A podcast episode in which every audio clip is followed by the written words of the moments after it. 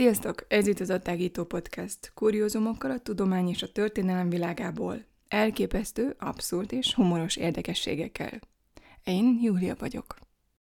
A mai epizódban a világtörténelem egyik legfurcsább járványáról lesz szó. Mint oly sok vészjósó történet, ez is előjelekkel kezdődik. Egy fényes csillag vonul át az égen. A folyók kiöntenek a medrükből, elárasztják a mezőket. Ez az évszázad egyik legpusztítóbb áradása. A falvak romokban, az utcákon felpuffadt hasú, döglött lovak úsznak. A következő tél rendkívül kemény, százak fagynak meg. Ezt hihetetlenül perzselő nyár követi hosszantartó szárassággal. Emberek és állatok ezrei pusztulnak el, a termés odavész. A termés kiesések miatt a gabona és a kenyér ára robbanásszerűen emelkedik. A földtulajdonosok egyre többet és többet préselnek ki a parasztokból. Ezrek halnak éhen. Gyengék és idősek, betegek és gyerekek pusztulnak el. A patkányok elszaporodnak, járványok grasszálnak, tífusz és pest is váltják egymást. Sem Isten, sem a szentek, sem varázslat nem segít. 1518. július közepén egy tűzforró nyári napon egy Frau Trofea nevű parasztasszony lép ki Strasbourg egyik macskaköves utcájára, és táncolni kezd. Nagyon furcsán, mintha a kényszer hatására kezden el forgolódni. A körülötte levők először csak nézik, kíváncsisággal figyelik ezt a szokatlan nyilvános bemutatót. Mosolyognak rajta. De a mosolygást hamarosan elképedés váltja fel, hihetetlenkedés és félelem.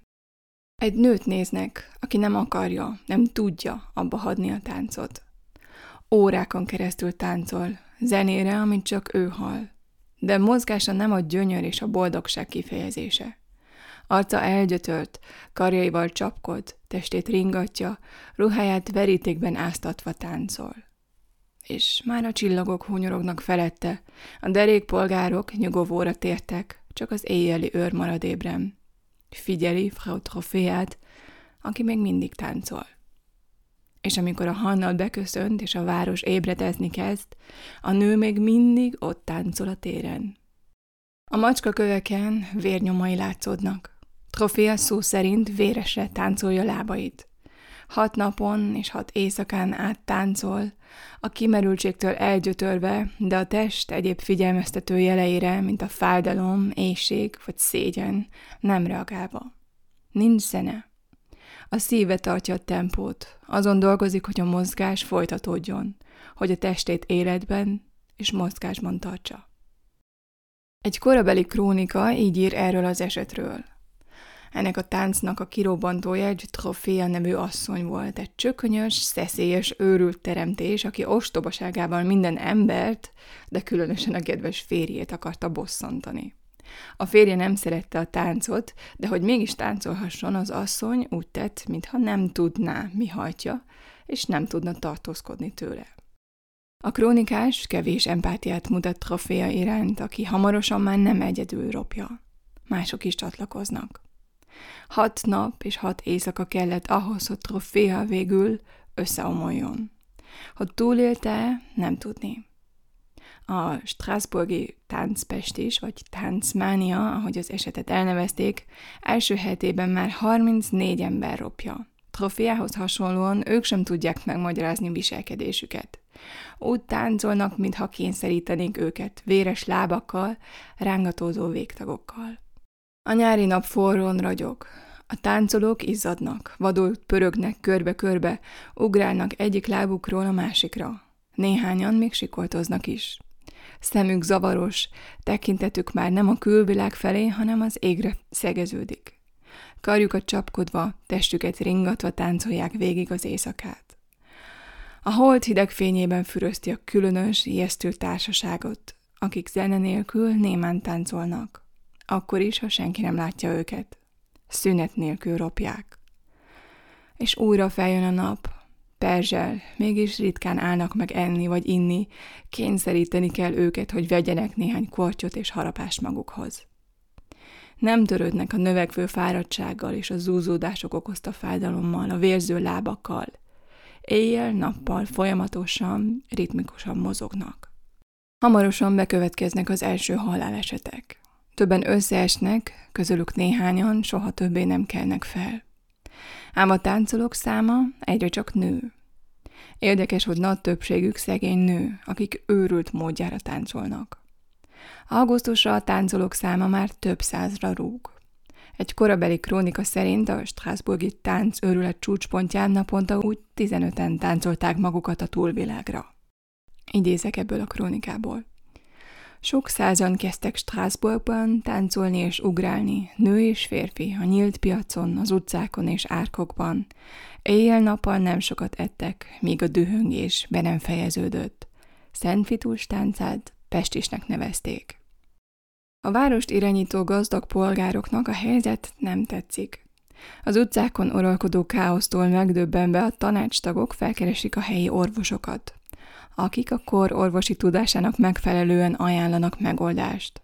Mégpedig még több táncot. Ha ez logikátlannak, sőt nevetséges őrületnek tűnik, igazad lehet. De az akkori tudomány szerint ez teljesen logikus lépésnek tűnik. Hippokratész, Arisztotelész és Galénosz alkotta meg a négy testnedvről szóló elméletet, amelyek a nyák, a vér, a sárga epe és a fekete epe.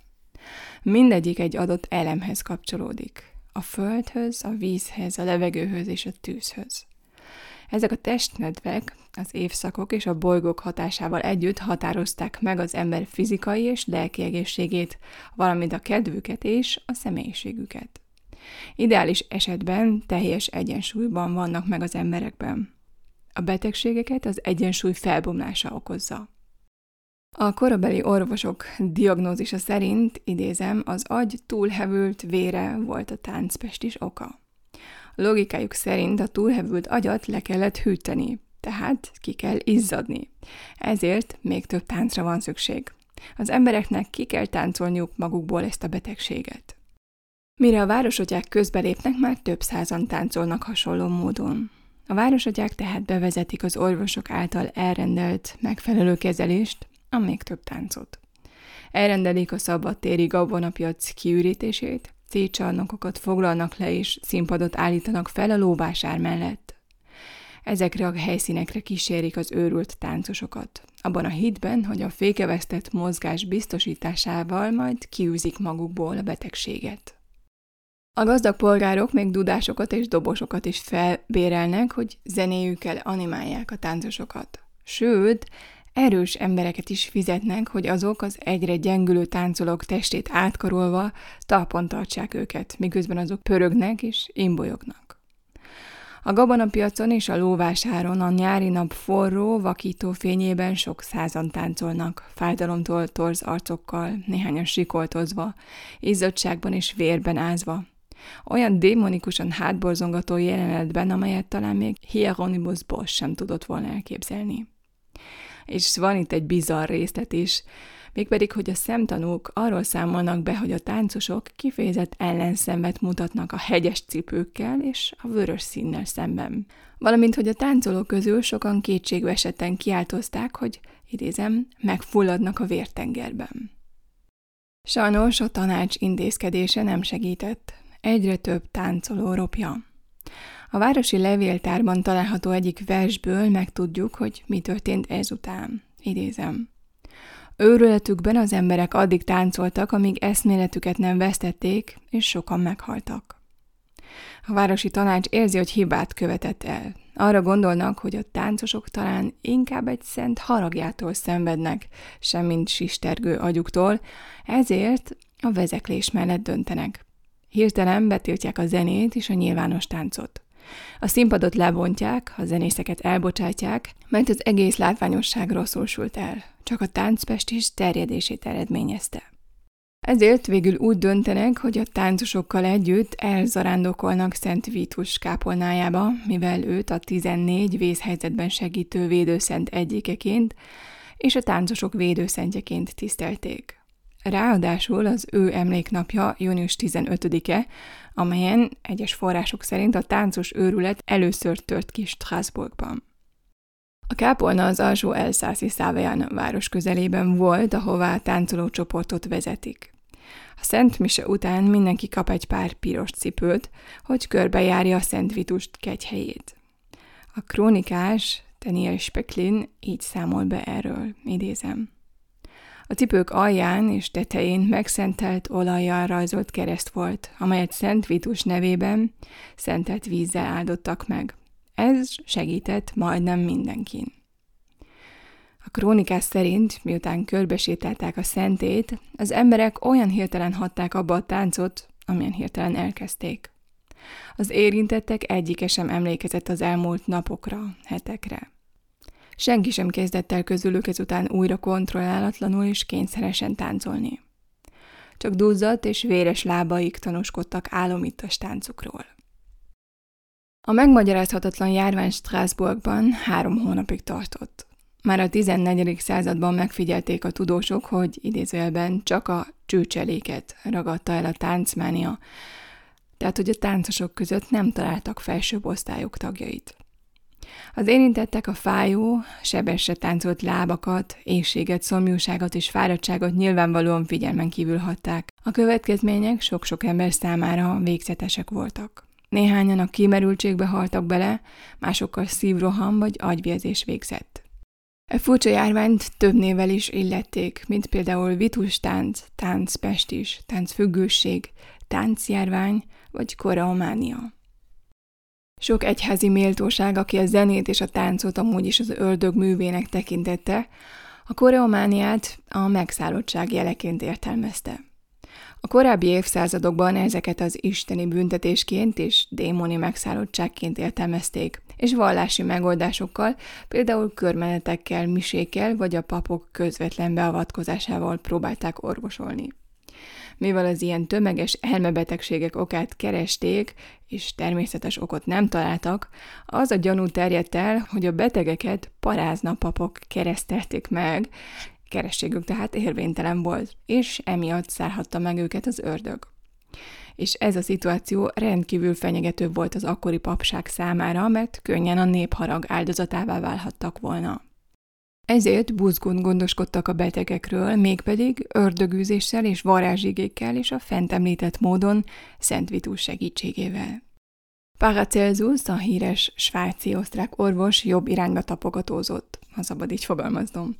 Egy sor értekezésbe kezdett a koreomániáról, köztük például az egyik könnyen megjegyezhető három soros címmel, a betegségek, amelyek megfosztják az embert az értelmétől, mint például a Szent Vitus tánca, a zuhanó betegség, a melankólia és az őrület, valamint helyes kezelésük. Paracelsus úgy érvelt, hogy ez a betegség, ez a jelenség valószínűleg inkább földi, mint isteni eredetű. Szerinte az ember nevető vénái csiklandós érzést válthatnak ki, amely a végtagokból a fejig emelkedik, elhomályosítva az ítélő képességet, és szélsőséges mozgást váltva ki, amíg az őrjöngő vér le nem csillapodik. Ez számára persze nem jelentette a bűn teljes hiányát. A tánc által leginkább sújtottak közé tartoztak, írta Paracelsus, a szajhák és a gazemberek, akik a gitár és lant játékban lelik örömüket, kielégítve minden bújaságot, testi gyönyört, képzeletet és fantáziát. Ezt a betegséget valójában Coriolanssivának, azaz kélyes táncoknak kellene nevezni. Bár Paracelsus a kélyes táncok tömeges előfordulását a szexuális kicsapongás leplezésének tekintette, a lehetséges okokra vonatkozó fejtegetései kevésbé voltak, hogy finoman fogalmazzak, arhaikusak. Úgy érvelt, hogy a képzelet hihetőbb vétkes, mint Isten vagy az ördög.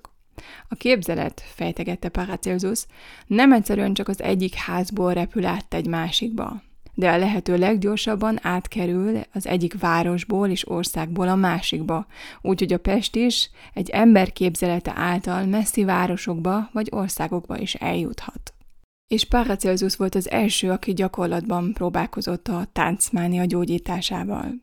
Elkülönítette a szenvedőket, amivel a betegség elvesztette a szuggesztív erejét, és ütésekkel és hideg vízzel idézőjelben kezelte őket. Később egy másik, szintén brutális terápiás módszert is alkalmaztak, amelyben a szenvedést a lehető legnagyobb intenzitásig fokozták, hogy a beteg még gyorsabban kimerüljön. A koreomániák, a táncőrület, a táncpest is elég gyakran fordultak elő Európában, különösen a 14. és a 16. század között. Az 1518-as Strasburgi táncőrület a legismertebb és a legjobban dokumentált. A középkorban ezt a jelenséget Szent Vitus táncának nevezték, a nevét a táncosok védőszentjéről, Szent Vitusról kapta, akit görcsök, epilepsia, veszettség és a fent említett táncpestis esetén is segítségül hívtak. De ki is volt ez a Szent Vitus?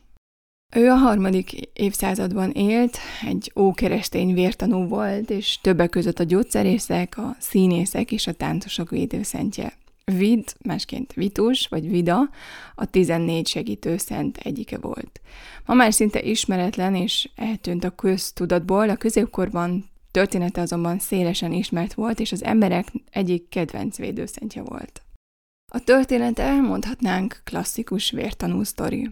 Diocletianus császár fiát gonosz szellem gyötörte. A császár hallott a fiatal férfiról, és Rómába hozott a vitust, aki aztán meggyógyította a fiát. Köszönetkép a császár arra akarta kényszeríteni, hogy tagadja meg keresztény hitét, és hozzon áldozatot a pogány isteneknek. Amikor Vitus ezt megtagadta, az oroszlánok elé vetették. De az oroszlánok lefeküdtek előtte, nyalogatták a lábát, és nem ártottak neki. Erre Vitust forró olajba dobták, de még ez sem ártott neki, mivel hogy angyalok mentették ki belőle. Tehát ehhez a csodatevő Szent Vitushoz fahászkodtak a koromániában szenvedők. De ami nagyon érdekes itt, hogy bár Szent Vitust a táncosok védőszentjeként és a táncmániától való megmentőként ünnepelték, vannak olyan korabeli írások is, amelyek Szent Vitus átkáról szólnak. Szerintük Szent Vitus büntetni is tudott, mégpedig éppen a táncmániával. Minél több ember esett áldozatul ennek az átoknak, annál erősebbé vált, és még több emberre tudott kiterjedni. A Szent Vitus átok egyfajta önbeteljesítő jóslattá vált a köznép körében. A korabeli tudósok értetlenül álltak a táncmánia kiváltó okai előtt. A krónikák ugyan a fent említett forró vérről számolnak be, míg más orvosok az epilepsia egy formáját feltételezték okaként, a mai napig azonban nem sikerült azonosítani egészen pontosan a járványok egyértelmű okát. De vannak különböző magyarázatok és értelmezési kísérletek. Nézzük most ezeket. Az, hogy a vér, akár hideg, akár meleg, nem felelős a táncmániáért, az egyértelműnek tűnik. A valódi okokat még ma is vitatják a szakértők. Közülük egyesek úgy vélik, hogy van kémiai magyarázat. Mégpedig az anyaros. Ez egy pszichotróp penészgomba, ami gyakran megtámadja a gabonát, például a rost, és az emberre nézve rendkívül mérgezőnek bizonyul. A penészes gabonában az LSD-hez hasonló anyaros alkaloid, az ergotamin képződik. De ez a mérgezés jellemzően elzárja a végtagok vérellátását is, ami nagyon megnehezíti az összehangolt mozgást. A középkorban még komoly veszélyt jelentett az anyaros mérgezés.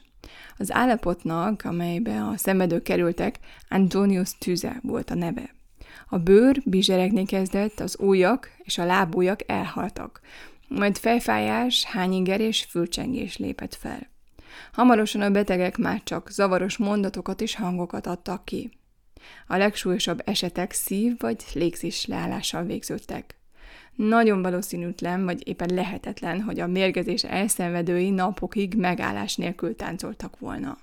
Egy amerikai történész, John Waller a témáról írt egy népszerű könyvet, A Time to Dance, A Time to Die címmel.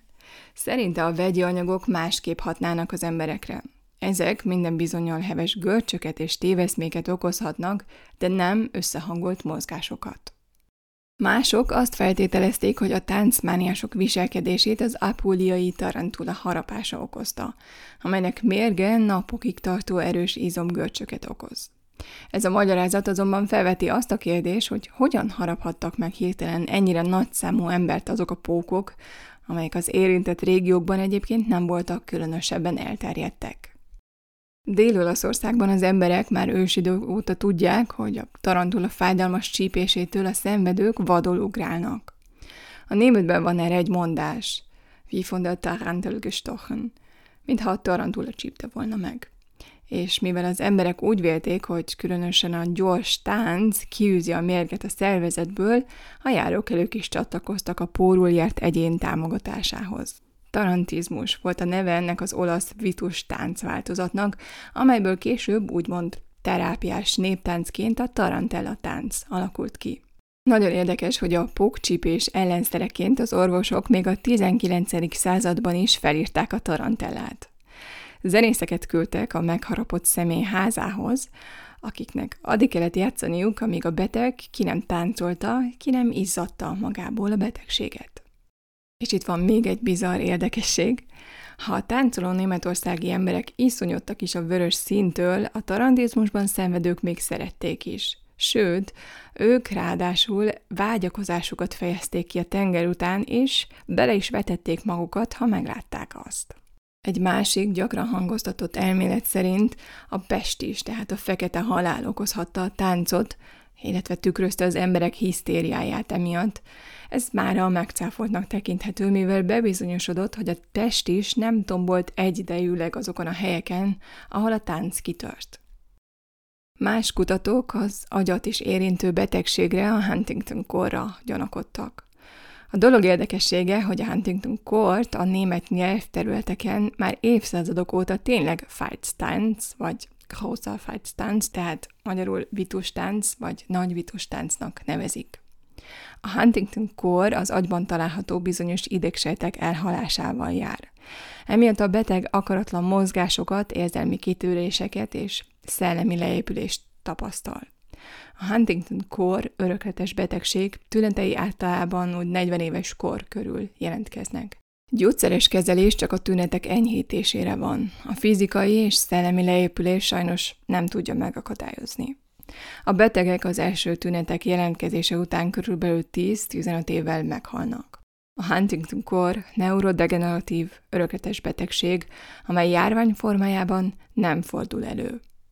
Egyes modern történészek az 1518-as táncos őrületet a középkor végi nyugtalan idők bizonytalanságával összefüggő tömeges vallási hisztériának tekintik. A kutatók a tömegpszichózist feltételezik kiváltó okként. A feltételek ehhez ideálisak voltak. A rajna környéke úgymond válságövezet volt. Az éhínség mellett számos betegség is tombolt. A lakosság babonássága miatt a természet feletti dolgokról szóló hiedelmek továbbra is fennmaradtak, például, hogy Szent Vitus végtelen tánccal bünteti a bűnösöket. A kutatók szerint az emberek hagyták, hogy ez a gondolat vezérelje őket. Azok pedig, akiket kezdetben nem érintett a táncmánia, látták a megszállottakat, ami megerősítette a babonájukat, és úgymond maguk is megfertőződtek. Waller a koromániát pszichés járványként jellemzi, hasonlóan a világszerte előforduló más önkéntelen testi reakciókkal, például nevetéssel vagy ájulással járó járványokhoz. Waller magyarázata a tömeghisztéria. Úgy véli, hogy az emberek transzba táncolták magukat. Csak így tudták lerázni magukról a fáradtságot és elviselni a fájdalmat, amit a részben megduzzadt és vérző lábuk okozhatott. És ez megmagyarázná azt is, hogy hogyan jöhetett létre a tömegmozgalom. Waller a betegség kiváltó okaként az éhezést, a betegségtől és a haláltól való félelmet és a stresszt látja. Idézem. A gazdasági és társadalmi nehézségek által fenyegetett csoportok számára a transz rendkívül fertőző lehet. Waller azzal is alátámasztja elméletét, hogy a múltban a háborúk és a pestis járványok nem váltottak ki tömeghisztériát. Az 1518-as helyzet azonban más volt. Nyáron a forróság, télen a kegyetlen hideg. A hideg hónapokban az emberek megfagytak, később éhen haltak, mert a terméskésések miatt a gabona és a kenyér ára robbanásszerűen megemelkedett. A földtulajdonosok, ahogy mondtam, egyre többet préseltek ki a parasztokból. Nehéz idők voltak ezek, ami Wallace szerint lehetővé tette ezt a tömeges jelenséget. Emellett a mély vallásosság és a babonák is nagy szerepet játszottak. A táncosok talán transz állapotban voltak, máskülönben képtelenek lettek volna ilyen hosszú ideig táncolni. Tudjuk, hogy a transz állapot nagyobb valószínűséggel fordul elő azoknál az embereknél, akik rendkívüli pszichológiai stressz alatt állnak, és akik hisznek a megszállottság lehetőségében. Mindezek a feltételek 1518-ban Strasbourgban teljesültek. A város szegényei súlyos éhínségtől és betegségektől szenvedtek és amit döntő fontosságú, hittek Szent Vitusban, akinek hatalma volt arra, hogy szörnyű, végtelen táncra kényszerítse őket. Amint ezek a rendkívül kiszolgáltatott emberek elkezdték várni Szent Vitus átkát, megnövelték annak valószínűségét, hogy transz állapotba essenek. És ha egyszer már benne voltak, eljátszották az elátkozott szerepét. Napokon át vadul táncoltak. A járvány talán egyszerre volt a kétségbeesés és a jámbor félelem eredménye. Abszolút vitathatatlan, hogy a táncmánia valóban létezett ebben a formában. Az eseményekről történelmi feljegyzések, halotti bizonyítványok, orvosi feljegyzések, prédikációk vannak a térségből, amelyek mind-mind táncoló emberekről számolnak be. Legalább hat különböző krónika dokumentálja a tömeges táncot és a Strasburgi táncmánia nem az egyetlen volt abban az időben. Éppen ellenkezőleg. Talán ez a járvány lehetett az egyik utolsó ilyen formájú és mértékű. Már a korábbi évszázadokból is vannak beszámolók arról, hogy emberek százai táncoltak akarva akaratlanul hosszú heteken át. Nagyon érdekes, hogy különösen a Rajna vidékéről vannak beszámolók a táncmániáról, mint például 1374-ből is. Akkoriban a jelenség Aachenben kezdődött, majd elterjedt Kölnben, Flandriában és Strasbourgban is sok más régió mellett. Az úgynevezett Limburgi krónika így számol be erről, idézem. 1374-ben a nyár közepén különös dolog történt a német földeken, a Rajnán és a Mózul folyón. Az emberek táncolni és őrjöngeni kezdtek. Kereskedőkkel, zarándokokkal és katonákkal együtt, akik vizeken közlekedtek, a hírek és a hiedelmek is vándoroltak. Úgy tűnik, hogy a régió kulturális tudatában megragadta az elképzelés, hogy Szent Vitus a bűnösöket táncra kényszerítheti. A természet feletti hatalomba vetett ilyen hit drámai hatással lehet a viselkedésünkre, Klasszikus eset a szellem általi megszállottság, amikor az emberek úgy viselkednek, mintha a lelküket egy szellem vagy istenség vette volna át. A hit környezetében való nevelkedés, amelyben a szellemektől való megszállottságot komolyan veszik, hajlamosra teszi az embereket arra, hogy diszociatív mentális állapotba kerüljenek, ahol a normális tudatosság ki van kapcsolva. Az emberek ezután a kulturálisan előírt elképzelések szerint cselekszenek, úgy, ahogy szerintük a megszállottaknak kell, vagy kellene viselkedniük. Azok, akik meg voltak győződve arról, hogy démonok költöztek a lelkükbe, hajlamosak voltak diszociatív állapotba esni, amelyben pontosan azt tették, amit a teológusok és az öldögűzők szerint az öldögi megszállottak tesznek. Ilyen esetekben a transz olyan tanukra is átterjedhetett, akik osztoztak ugyanazokban a félelmekben. Ezek a megállapítások minden bizonyal vonatkozhattak az 1518-ban Strasbourgban történtekre is. Szent Vitus átka éppen az a fajta természetfeletti hit, amely a befolyásolhatókat diszociatív állapotokba hajszolhatta. A krónikák egyetértenek abban, hogy a legtöbb ember gyorsan azt feltételezte, hogy a felbőszült Szent Vitus okozza a csapást. Így hát elég volt, ha néhány hívő és emocionálisan törékenyebb ember elhitte, hogy Szent Vitus őket vette célkeresztbe, hogy olyan transz állapotba kerüljenek, amelyben napokig táncra kényszerítve érezték magukat. A Strasburgi járvány a pszichogén betegségek kitörésének egy másik alapfeltételét is teljesítette. A krónikák bőségesen feljegyzik azt az erős szorongást, amely a szuggesztibilitás fokozott szintjét eredményezte. Társadalmi és vallási konfliktusok, félelmes új betegségek, terméskiesések és a búza árának emelkedése széles körű nyomorúságot okozott. Egy krónikás az 1517-es évet megrázó tömörséggel így írta le. Rossz év. A következő évben az árvaházak, kórházak és menedékhelyek zsúfolásig teltek a kétségbeesettekkel. Ezek ideális feltételek voltak ahhoz, hogy a város rászorulói azt képzeljék, hogy Isten haragszik rájuk, és hogy Szent Vitus az utcákon leselkedik. A táncjárvány azért halt ki, mert a természet feletti hiedelmek, amelyek táplálták, fokozatosan eltűntek, írja Waller. Hosszú távon a középkori világ buzgó természetfelettiségének utat kellett engedni a modern tudomány és a racionalitás felemelkedésének. Végszóként csak ennyi. Talán elkerülhetetlen, ha valamiféle párhuzamokat fedezünk fel az elmúlt két és fél évvel, amikor is lázas érdeklődés övezett minden elődeink által túlélt vagy átélt járványt a fekete haláltól a spanyol nátháig. És talán nem csak összehasonlítás céljából nézünk rájuk, idézzük fel őket, hanem azért is, hogy megnyugtassuk magunkat, hogy végül, valamikor minden járványnak vége szakad. És ennyi volt az attágítás mára. Remélem tetszett a rész.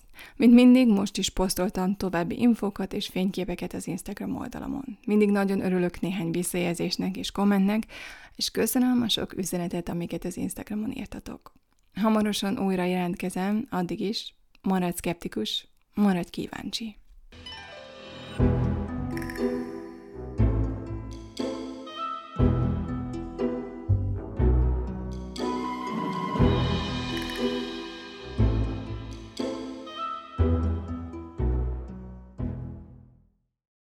Ha más podcastekre is kíváncsi vagy, hallgassd meg a Béton műsor ajánlóját.